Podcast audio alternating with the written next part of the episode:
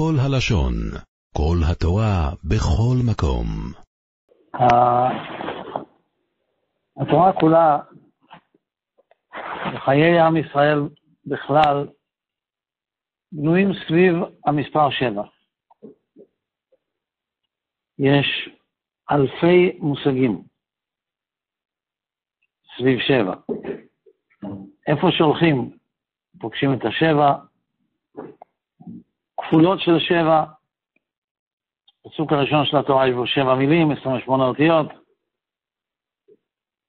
שבע פסקאות, 35 פעם השם אלוקים, שבע פעמים הצירוף על הארץ, 21 פעמים המילה הארץ,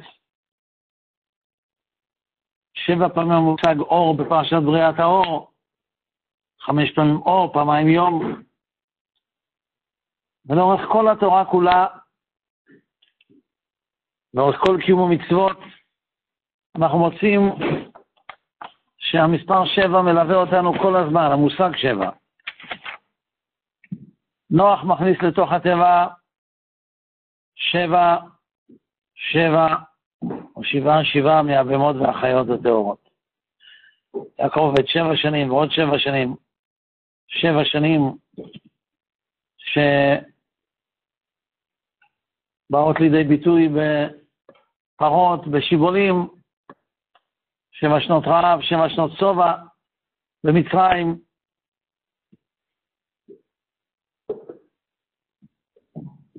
שבעת המינים, שבעת ימי משתה, שבעת ימי אבלות, שבע ברכות. שבעים שנה של דוד המלך, ימי שנותינו בהם שבעים שנה. שבעים תמרים שמצאו במטבח, שבעים סנהדרים.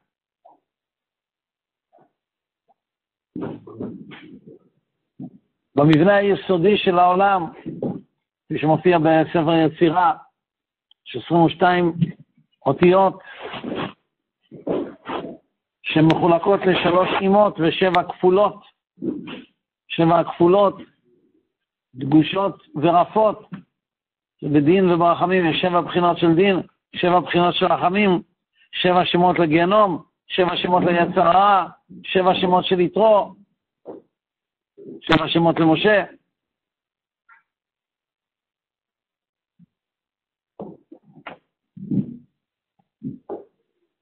וגל המוקריס על פרשת ואתחנן, רנ"ח אופנים על הפסוק הראשון של פרשת ואתחנן באופן קצ"ט, כותב ככה: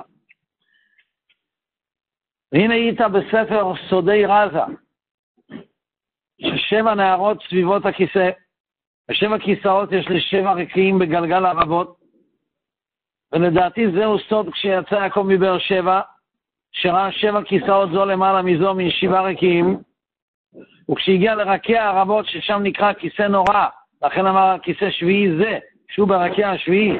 מה נורא המקום הזה?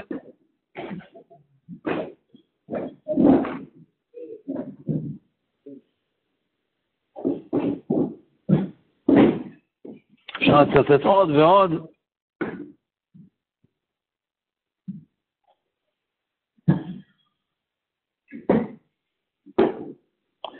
בן איש חי כותב, בבן יהוידע, על מעשה ברכות דף ד' עמוד א', כשמדברים שם על דוד המלך. ידוע דברי רבותינו ז"ל, ראויה הייתה בת שבע לדוד, אלא שהחלה פגה. כלומר, קודם הזמן. ופירש רבינו הארי ז"ל, שהיה דוד עליו השלום צריך לתקן את לאה ואת רחל, כי היה כלול משניהם.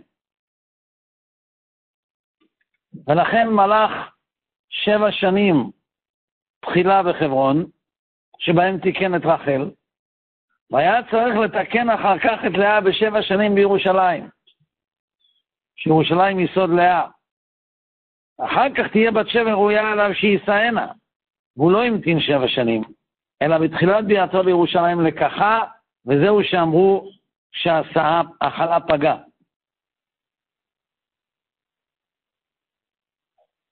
גם השח, לא שפתי כהן על השולחן אורך, אלא על התורה, מגורי הארי, זה שח ספרדי, מגורי הארי. הוא כותב,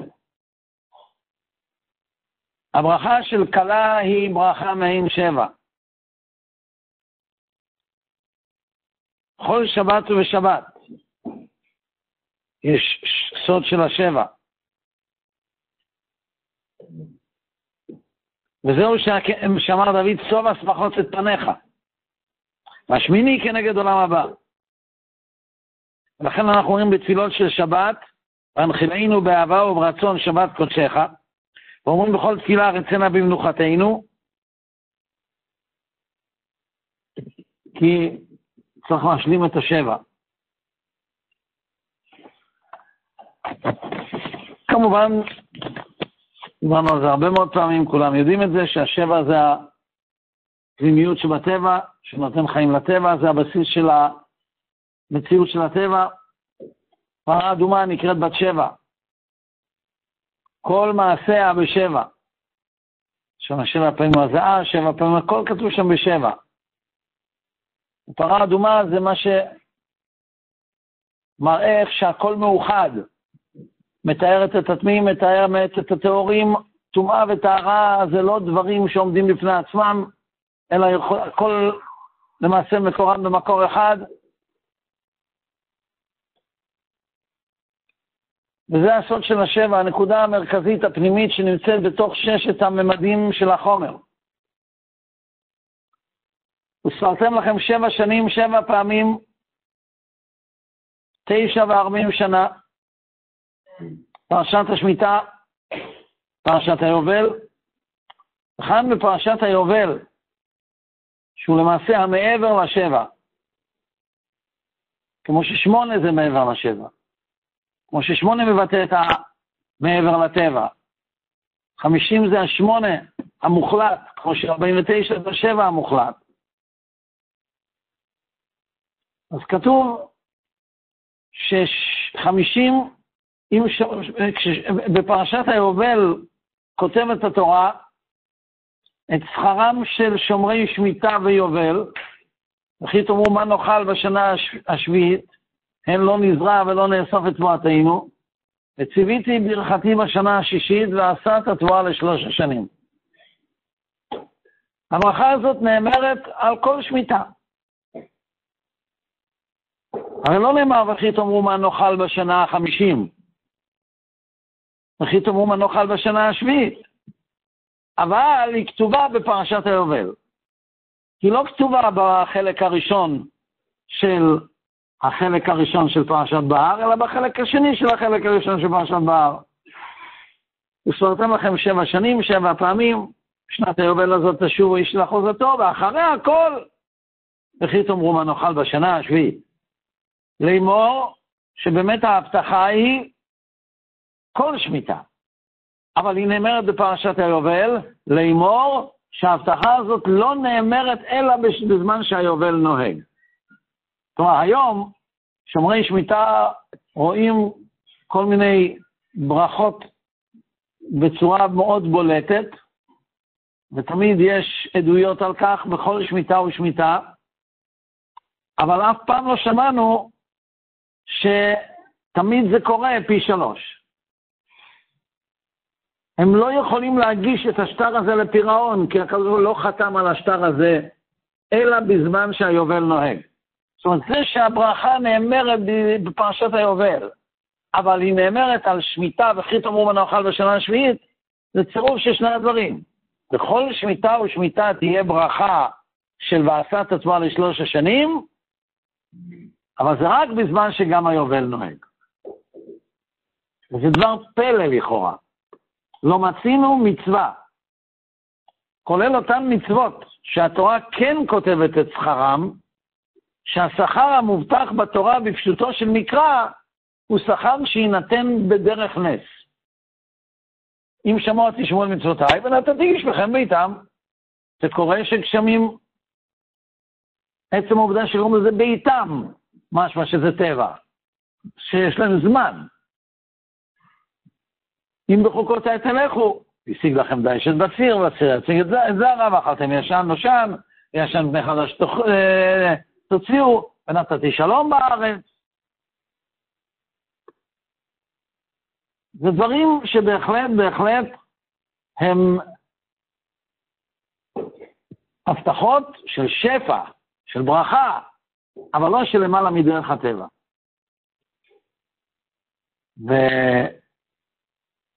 וכאן מבטיחה התורה שתהיה, שהשכר יהיה בדרך נס. הנה, גם באותם שתי מצוות שהתורה כתבה את שכרם ליחידים. למען ייטב לך וארכת ימים, למען יארכון ימיך או למען ייטב לך, זה לא שלא כדרך הטבע. אדם יכול להאריך ימים בדרך הטבע, לא כתוב שמי שיכבד אביו אמו, אז הוא יחיה אלף שנה, שלא כדרך הטבע. ארכת ימים.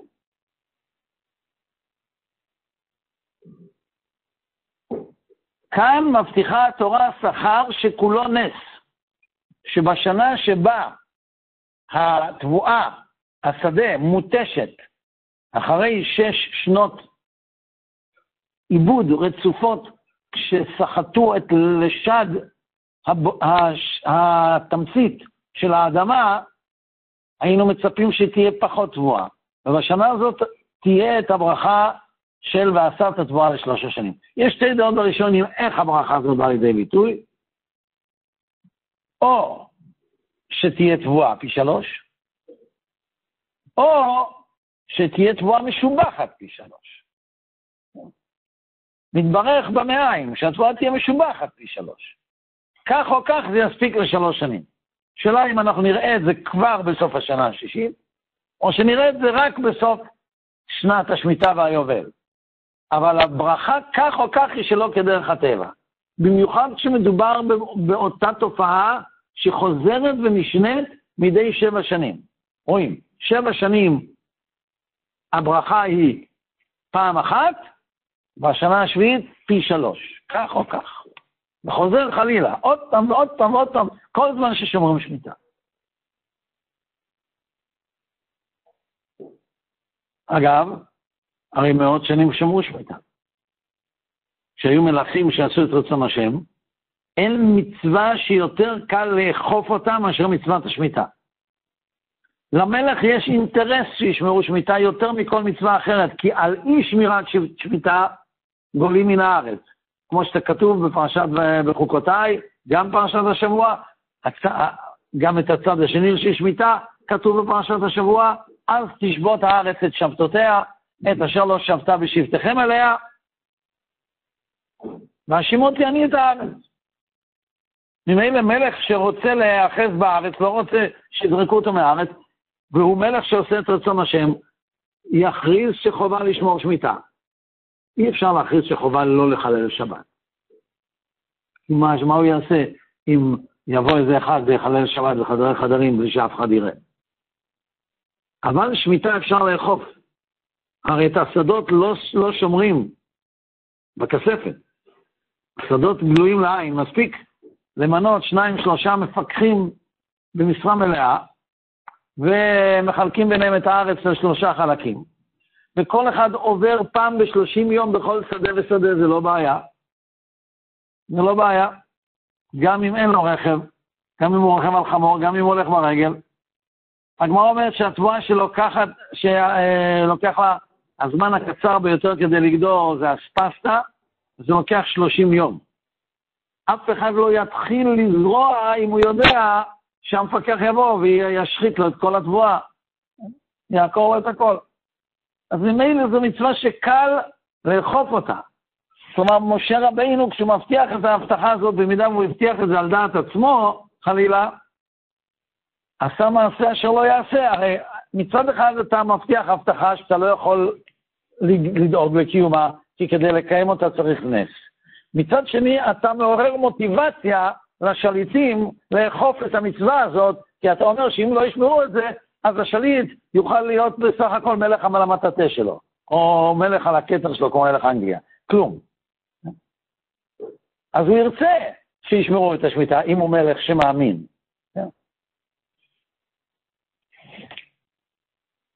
עצם העובדה ש-70 שנה הייתה גלות בבל, ואנחנו יודעים ש-70 שמיטות ויובלות לא שמרו, מוכיחה ש-70 שמיטות ויובלות כן שמרו. זה 490 שנה. 490 שנה רצוף, לא, לא רצוף, כן? אבל בתפזורת של כפול זמן כזה, זאת אומרת 50% מה, מהשמיטות שמרו. אף פעם לא שמענו שבאו למשה רבנו ואמרו לו, זה לא עובד. פשוט לא עובד, כנראה שזה כן עבד. למה דווקא מצוות שמיטה מבטיחה התורה שכר שכדי שהוא יקרה צריך שיקרה נס? ולמה זה כתוב בפרשת היובל? למה זה כתוב אנחנו יודעים? כי זה רק בזמן שהיובל נוהג, הברכה הזאת קיימת. למה? למה רק בזמן שהיובל נוהג הברכה קיימת? הרי גם שומרי שמיטה הם גיבורי כוח עושי דברו, כמו שאומרים כל פעם כשמגיעה שנת שמיטה, ונכון הדבר.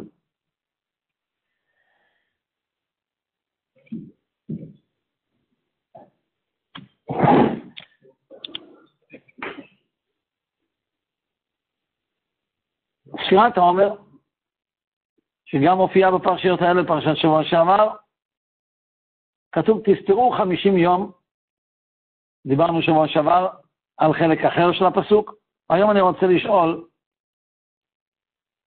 לא סופרים חמישים. כתוב תספרו חמישים יום, מה הבעיה? להגיד, ברוך אתה השם אלוקים לכם אשר קידשנו מצוותיו וציוונו על ספירת העומר, היום חמישים יום, שהם שבעה שבועות ביום אחד לעומר. מה הבעיה? מה, אם, אני מבין שזה מסובך לספור עד 49, עד 50, כן? במיוחד כשמדובר בקהל כל כך גדול שלא לומד ליבה. עד 50, יש בסך הכל 10 אצבעות בידיים, 10 אצבעות ברגליים, וזהו. איך אפשר להמשיך לספור אחרי 20 בלי ללמוד ליבה? במיוחד שחלק מהזמן גם כן זה שבתות, שאי אפשר לקחת מחשבון. אבל אם כבר הצליחו להגיע עד 49, מה הבעיה להגיע עד 50?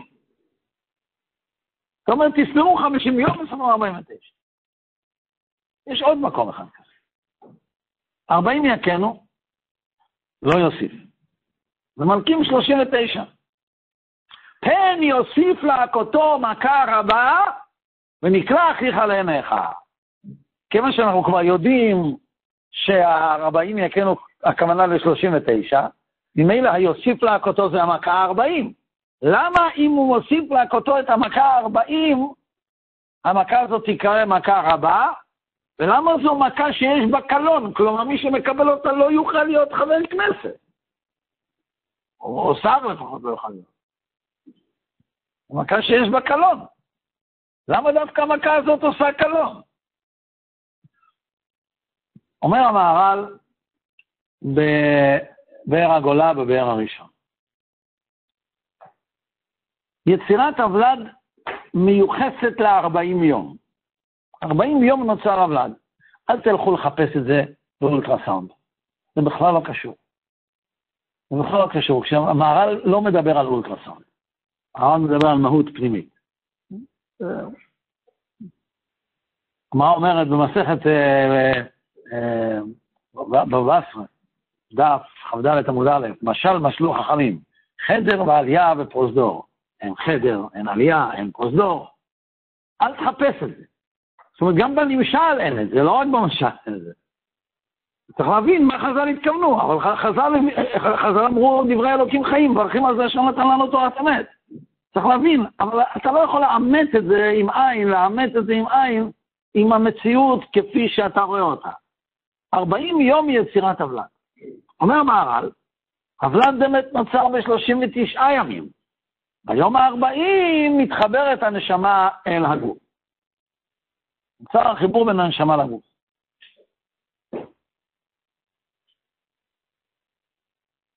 יש לזה גם השלכות הלכתיות. ההתייחסות לעד יום ה-40 ומיום ה-40 במקרים מסוימים, לגבי הצלת חיים וכדומה, היא שונה. כמובן שבדברים כאלה פונים לפוסקים הגדולים ביותר, אבל יש לזה השלכות הלכתיות. כשאדם חוטא, הרי הנשמה לא נפגמת. חיים מוולוז'ין אומר שכשאדם חוטא במעשה, הוא פוגם את הנפש, נפש כי תחטא לעשת אחת מכל מצוות השם אשר לא תעשינה להשם. כשאדם חוטא בדיבור, הוא פוגע בחלק שנקרא רוח, שנאמר, רוח ממללה, רוח השם דיבר בי. אבל כשאדם חותם במחשבה על פי אותו עיקרון, לכאורה צריך היה שתיפגם הנשמה. הנשמה לא נפגמת, היא רק מתרחקת והולכת. כי הנשמה היא כביכול מתוך פיו של הקדוש ברוך הוא. אבל, כשאדם חוטא, בין בדיבור, בין במעשה, בין במחשבה, הוא פגום. כל המציאות הזאת של אדם פגומה. ומכיוון שהנשמה מחוברת לאדם, כל המחובר לטמא, טמא, כן? סוגיה, סוגיות שלמות בהלכות העברת טומאה של טומאה בחיבורים. אם הוא מחובר אל הטמא, אז הוא טמא. ממילא, כשאדם חטא, כל המציאות הזאת, כל האנטיטי הזה, כל המהות הזאת שנקראת אדם על כל ארבעים בחינותיה, או על כל ארבעים בחינותיו, טמא. פגום. עכשיו צריך להתחיל לזכך. צריכים לתת לו מלכות. מלכות נועדו לזכך. מלכות נועדו לזכך. כל מכה מזככת בחינה אחת. עשר מלכות, עשר בחינות זוכחו, האדם עדיין טמא, כי גם העשר הבחינות שזוכחו מחוברות אל הטמא. עשרים בחינות, עשרים מלכות. שלושים ותשע מלכות, כל הבחינות של הגוף זוכחו, ופתאום הכל טהור. כל עוד שהגוף טמא, אז גם הנשמה היא חלק ממציאות של משהו פגום. ברגע שהגוף נטהר על ידי ה-39 מכות, יזדכך, המכה 40 כבר מיותרת. מכה 40 כבר לא צריך. ואם אתה מכה אותו מכה 40, מה אתה אומר בזה? שגם הנשמה שלו פגומה.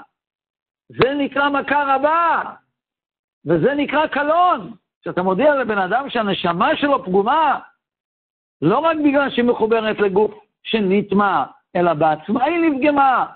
זה קלון.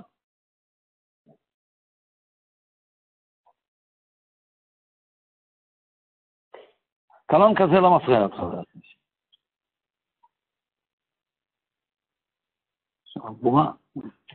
מה לא פגום שם?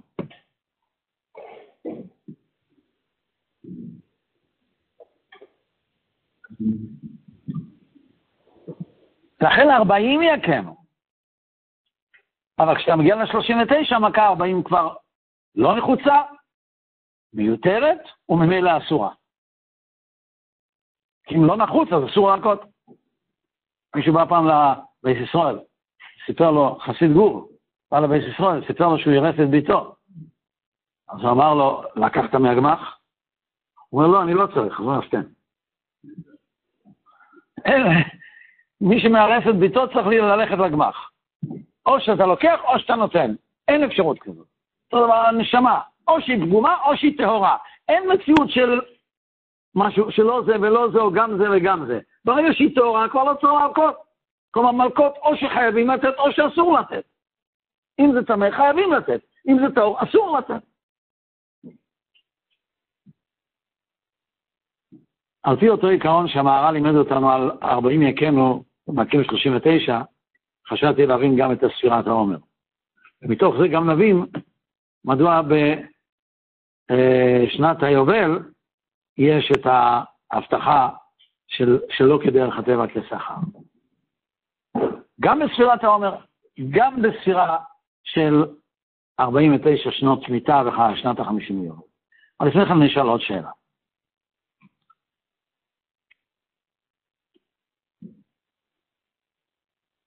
אין היובל נוהג אלא בזמן שכל עם ישראל בארצו, ואז גם עבד עברי נוהג. בזמן שלא כל עם ישראל בארצו, אין היובל נוהג ואין עבד עברי נוהג. עבד עברי לא יכול לנהוג כשאין היובל נוהג. כי אם עבד עברי ינהג והיובל לא ינהג, אז עבד נרצע, יישאר עם השפחה הכנענית ועם העבדות שלו לנצח. יהודי לא יכול להיות עבד אה, אה, אה, במהות. הוא יכול להיות באופן זמני להיקרא עבד עברי, אבל הוא לא יכול להיות במהות עבד. ואם לא יהיה לו אפשר, לא יהיה לו יובל, אז הוא יהפוך להיות לעבד עולם, לעבד, לא לעולמו של יובל, אלא לעולם ממש. זה לא ייתכן. לכן בזמן שאין היובל נוהג, אין עבד עברי נוהג, ואין... עכשיו, זה שאין עבד עברי נוהג כתוצאה מזה שאין היובל נוהג, זה יוצר גם כן בעיה בפני עצמה. כי משום מה אנחנו רואים בנביא בירמיהו שאחת הסיבות לחורבן הייתה שהם לא נהגו במנהג עבד עברי.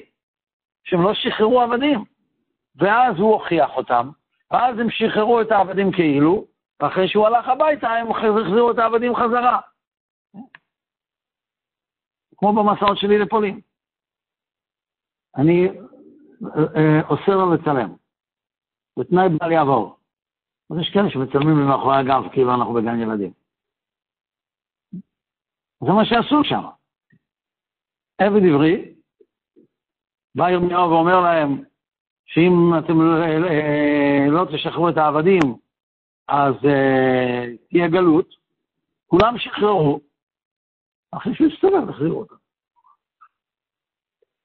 והגיע הגלות. זאת אומרת, אנחנו רואים שעבד עברי, לא לנהוג כמנהג אה, שחרור לעבד עברי, לא לשחרר עבד עברי זה גורם גלות. זה דבר חמור מאוד, צריך להבין את זה למה. אין היובל נוהג, אז אין שחרור לעבדים הנרצעים.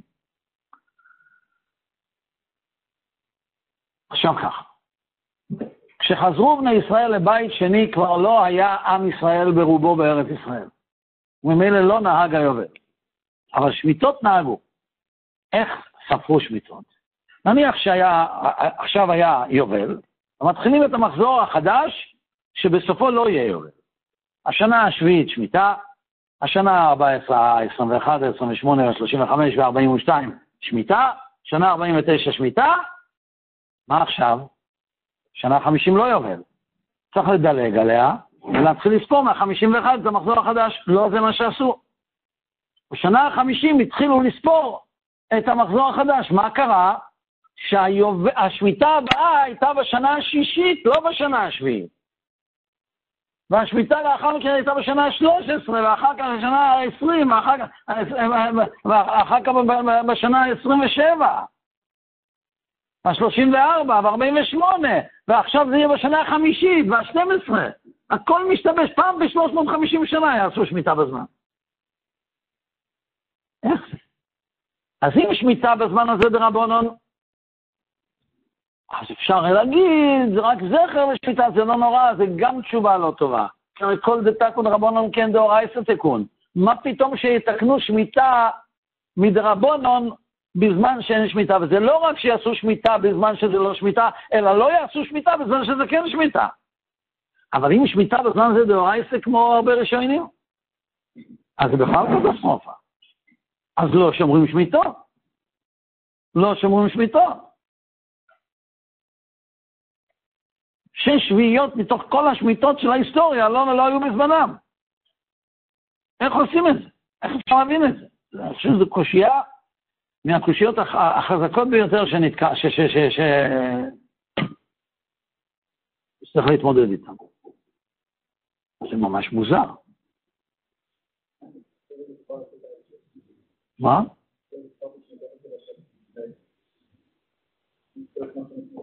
בסדר, אבל שמו כל 49 שנה התחילו לספור מחדש. לא דילגו שנה בספירה, התחילו לספור לפי בית ראשון, אבל המשיכו, אבל הכל השתבש. גם היום, כמו שהיום.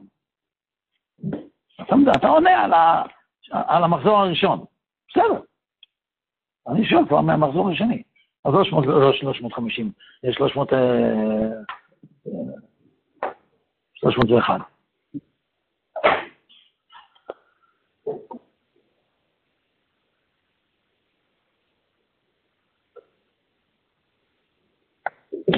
ככה.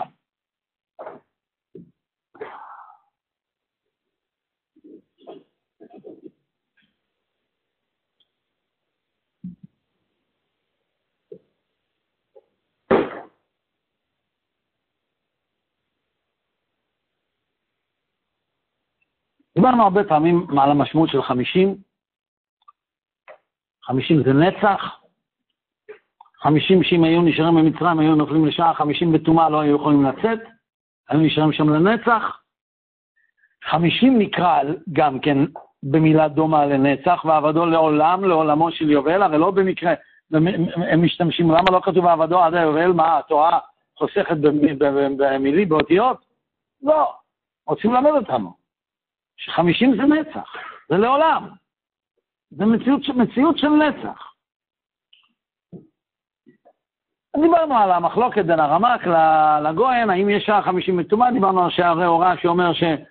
כשמגיעים לחמישים הכל משתנה והכל מתהפך והכל מתאחד והכל נהיה משהו אחר. דיברנו בזמנו על עמלק. תמחה את זכר עמלק, למה הורגים ילדים של עמלק? למרות שברגע זה הם לא חטאו.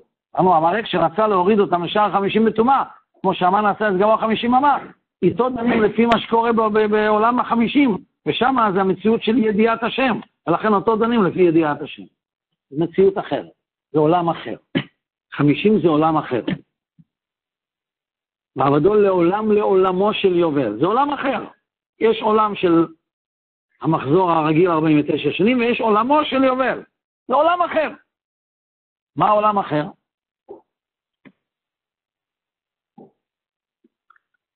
שמשה רבינו עלה להר סיני. והיה שם 40 יום ו-40 לילה, לחם לא אכל ולחם ומים לא שתה. הכוזרי אומר ש-40 יום ו-40 לילה היה מעמד הר סיני. רק היחיד שנשאר שם כל הזמן היה משה רבינו, עם ישראל כבר ירד למטה. אבל מרחוק הם ראו את האש. מרחוק הם ראו את האש. כמו להבדיל. כשבאתי לפה, אז שמעו את ה... את היהודים. לא יודע אם בבני ברק שמעו, אבל בכביש, אתה יודע, שמעו את היהודים. מרחוק. אז הסבירו שככל שזה נעשה יותר רחוק, שומעים את זה יותר קרוב. זאת אומרת, בטווח יותר אה, רחב. הם ראו את האש 40 יום, כך אומר הכותרת. אבל משה רבנו היה שם 40 יום. שאלה, שמשה רבינו 40 יום וארבע לילה לחם לא אכל ומים לא שתה. איך זה עבד? איך זה עבד? כשהוא ירד למטה, אז נצחק, נגמר הקסם, כן, נגמר הנס. אז הוא היה רעב כמו אדם ש-40 יום ו-40 לילה לא אכל ולא שתה? כן. זאת אומרת, מיד מת. מילא 40 יום לא אכל, עוד אפשר, אבל 40 יום גם לא שתה. ההוא שהתחיל את הבלאגן בגלל שהחליט למות בכלא. אז 80 יום הוא עשה שביתת חלב, אבל הוא שתה. שרבנו גם לא שתה, לא היה לו, לא היה אינפוזיה שם. אז איך זה קרה?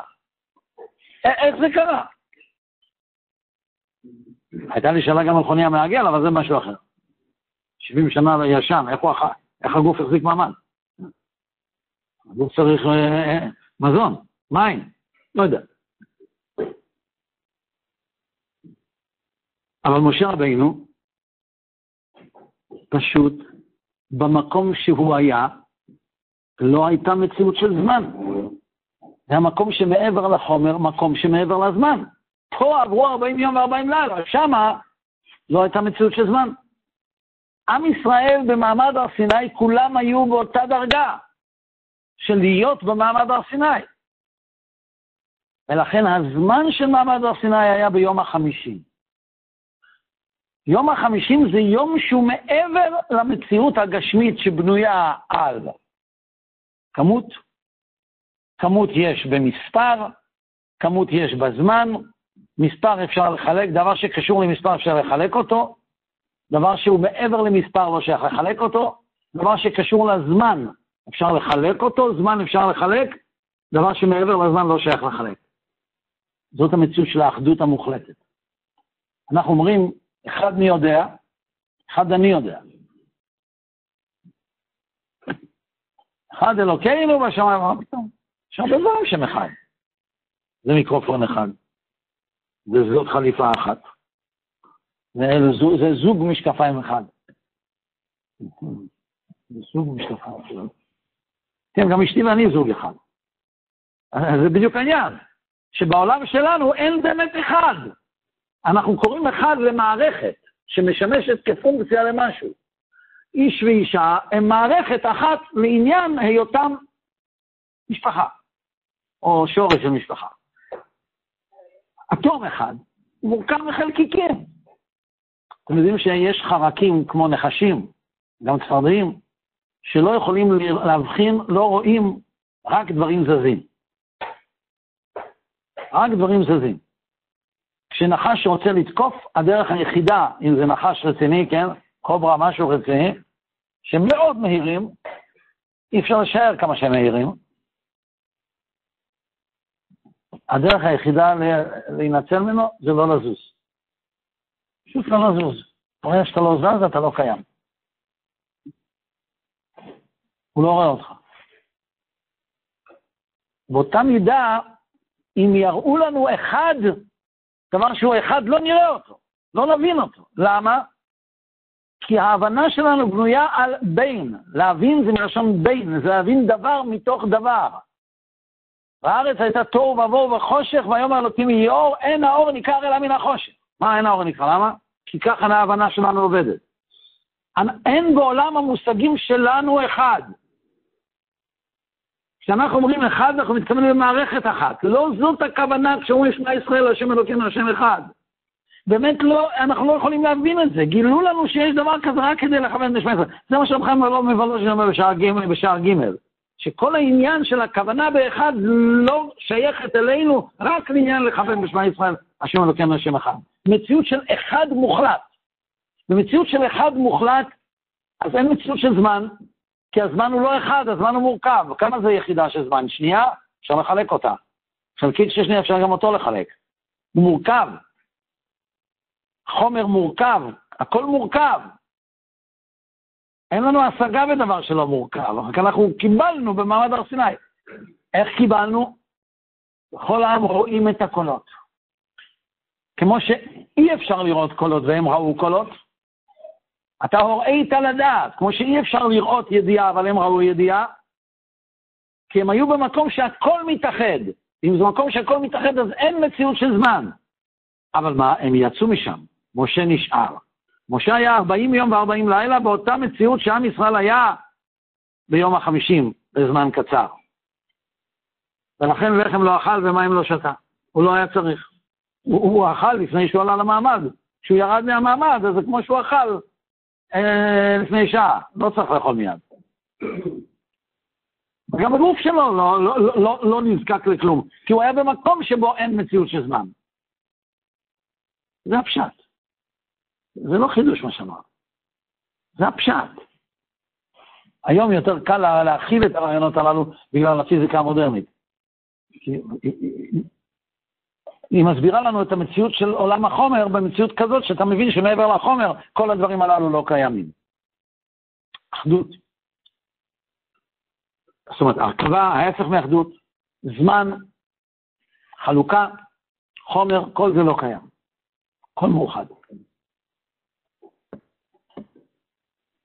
ממילא, כשמגיעים לחמישים, כל עוד שמדברים על אחד, שניים, שלושה, ארבעה, חמישה, ארבעים, ארבעים וחמישה, ארבעים ושמונה, חמישים, הכל ביחד, אז תסתרו חמישים יום, ויש גם חמישים, בדיוק כמו ארבעים יקנו.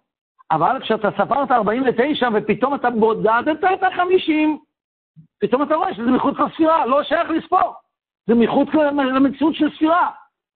ולכן, בדיוק כמו שלא שייך להכות את הנשמה כי הנשמה טהורה, כשהיא כבר לא מחוברת ל-39 מבחינת של הגוף, כך לא שייך לספור את החמישים, כי זה מעבר לספירה. יש לנו כלל, שכל שאינו בזה אחר זה, כאילו בבת אחת אינו, מה זה אומר? התורה לא אמרה דבר שאין שום אפשרות לקיים אותו. וממילא כשהתורה אמרה, תסתור 50 יום, וזה לא שייך בספירה שמבודדים, אז הכוונה למספר הסוכם את החמישים. ועד ולא עד בכלל. יש מציאות כזה שעד ולא עד בכלל. לומדים את זה מאפרים ומנשה כרואים לשמעון יולי. שזה באותה גימטריה, אבל לא בדיוק. עד ועד, עד ולא עד בכלל. אחד פחות. זה גם שנת היובל. שנת היובל הזאת תשובו איש על אחוזתו. לאן שווים? לשורש. פיזית זה מה שכתוב בהלוכה, כן, כל אחד חוזר לנחלת אבותיו, אבל מה, מה, מה כתוב פה בתוך הפסוק? בפנימיות שלו. תשוב אל המאחז שלך. כשהקדוש ברוך אומר למשה רבינו, כשמשה רבינו פוחד מהמלאכים שאומרים מה לילוד אישה בעינינו, אומר לו הקדוש ברוך הוא תענה להם, אומר אני מפחד שמא ישרפוני. אומר לו הקדוש ברוך הוא, חוז בכיסא כבודי. אומר מהר"ל, הכוונה היא, יש לך מאחז בכיסא הכבוד, אתה קשור לכיסא הכבוד. זה מה שכתוב פה. אתה מגיע למציאות הזאת של החמישים, אתה נמצא במציאות שמעבר, מעבר לספירה, מעבר לכל דבר, מגיע שנת היובל, אתה מגיע לזמן של המקום שבו אתה אחוז. שנת היובל הזאת, זה שהוא איש של אחוזתו, אתה חוזר למקום שאתה, שנשמתך אחוזה בו, אל המקום הפנימי, למקום שהוא מעבר לזמן. אז אתה חוגג את ה... סופר את שנת היובל. לכן היובל נוהג רק בזמן שכל ישראל על אדמתו, שיש שלמות, לפחות פוטנציאל של שלמות.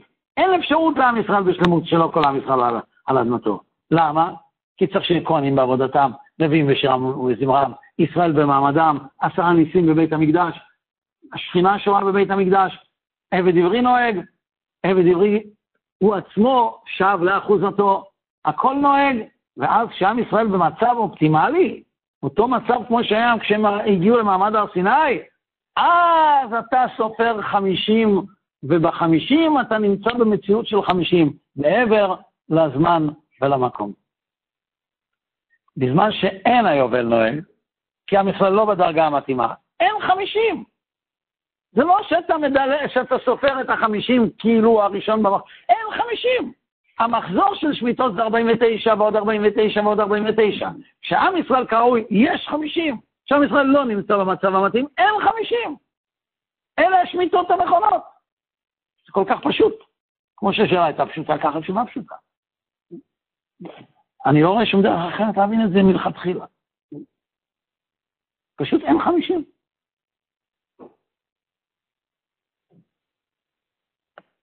וזה הרבה יותר מסמלי שאנחנו כן מגיעים לחמישים כל שנה בחג השבועות, וזה יד הרושמת על הקיר, תדע לך, יכולת להגיע לחמישים במספר קטן, אם היית מגיע למה שהתורה מלמדת אותך בשלמות, היית מגיע גם לחמישים במספר גדול, שנים.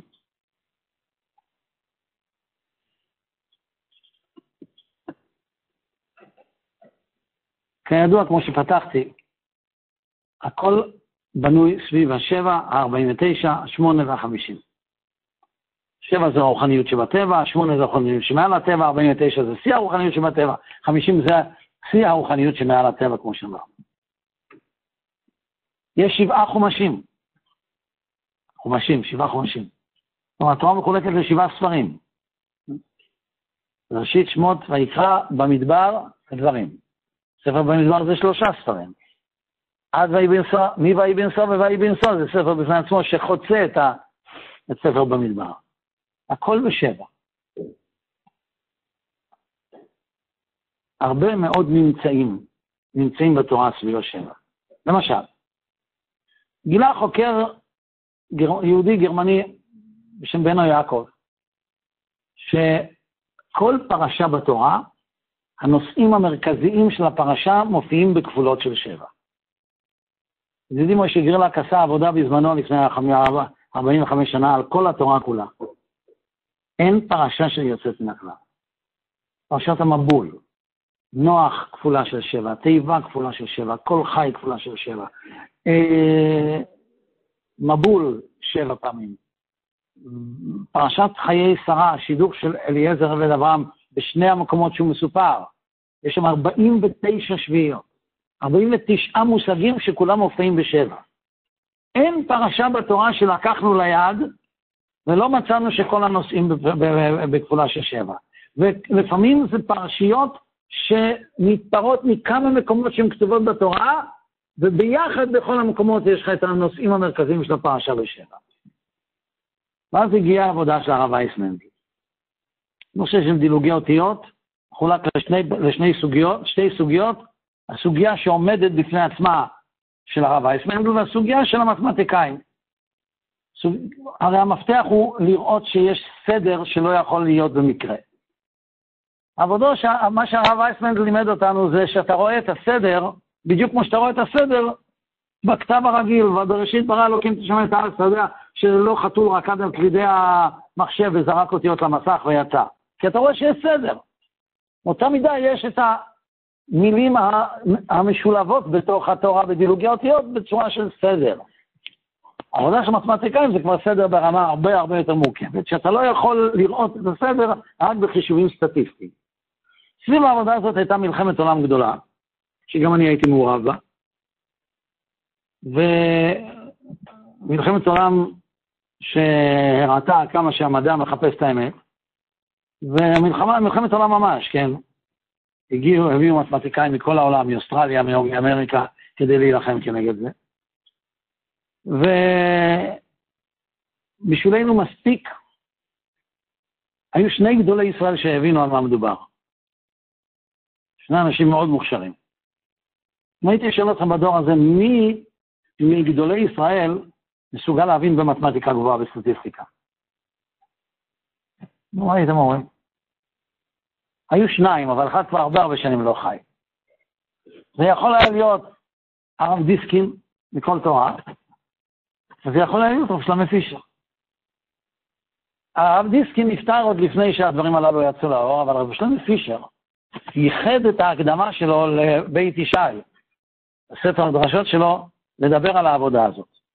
הוא תוקף בחריפות רבה את אלה שלחמו נגד זה, ותומך בתמיכה עצומה בדורון ויצטום, שהוא אבי השיטה. השני זה גם ראש ישיבה מאוד מאוד מוכשר, הרב ברוך אה, יהודה אה, דויטש, ברוך יהודה דויטש, שמואל, ברוך שמואל דויטש, שמואל דויטש. איתו היה לי הרבה קשר בעניין הזה, דיברנו על זה הרבה. וגם אדם מאוד מאוד מוכשר, הוא מאוד חולה, שיהיה לו רפואה שלמה. ו... וזהו, הם הבינו על מה מדובר, והם מאוד תמכו בזה. אני לא מדבר על זה עכשיו, אני מדבר על העבודות של הרב אייסמנד, או על פי הרב אייסמנד. הרב אייסמנד גילה לנו שיש הרבה מאוד מילים שמשובצות בתורה במקומות המתאימים, בדילוגים של 49, 50. כלומר, 49 אותיות מדולגות, כל עוד 50. למשל, אחד מהגילויים של הרב אייסמן, גילוי שמקיף את כל חמישה חומשי תורה. אם אתה לוקח את התף הראשונה של ספר בראשית, בראשית, אתה מדלג 49 אותיות, או האות ה-50 ו', הכל בדוק. אני בדקתי את הכל. האות ה-50 ו', אתה מדלג 49 אותיות, האות ה-50 ר', אתה מדלג 49 אותיות, האות ה-50 ה'. תורה בדילוג של כל עוד 49 אותיות, כל עוד 50.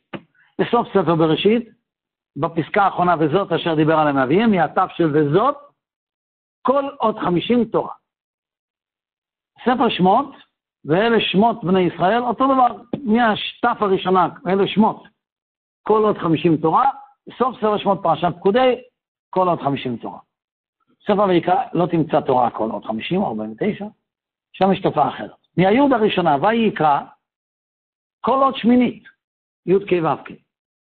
באמצע ספר, בפתיחה לחלק השני של ספר ויקרא, ספר ויקרא עוסק בקדושה של כהנים עד פרשת קדושים, מפרשת קדושים בקדושה של עם ישראל. בתחילת פרשת קדושים, כל עוד חמישים י' כו' בסוף ספר ויקרא, כל עוד חמישים י' כו' שלוש פעמים.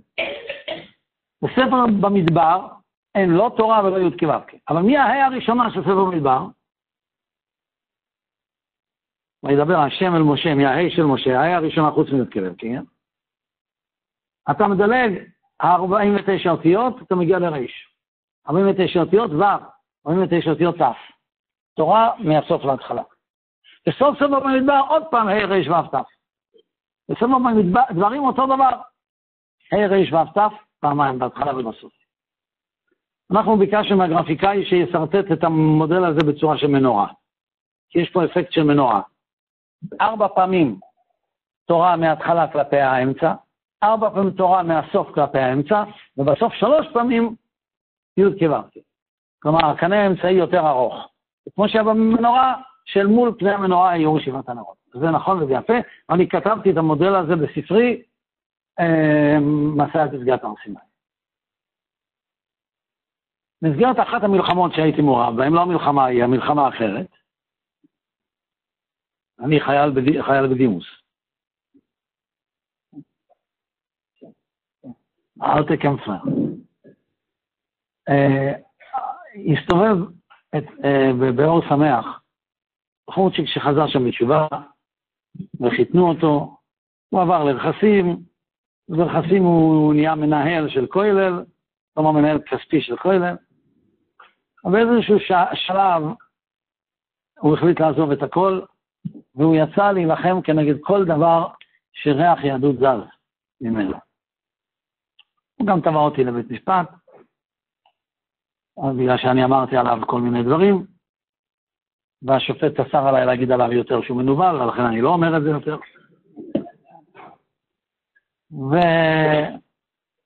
והייתי צריך לשלם לו 18,000 שקל קנס, הוא לא קיבל את הכסף, כי העורכת הדין שלי הייתה גם עורכת הדין של הרב סגל, שהוא ראש ישיבה בקריית הרצוג, שגם, והרב סגל תבע אותו, והוא התחייב לתת לרב סגל 50 אלף שקל. אז הכסף שלי עבר ישר לרב סגל בשמחה רבה.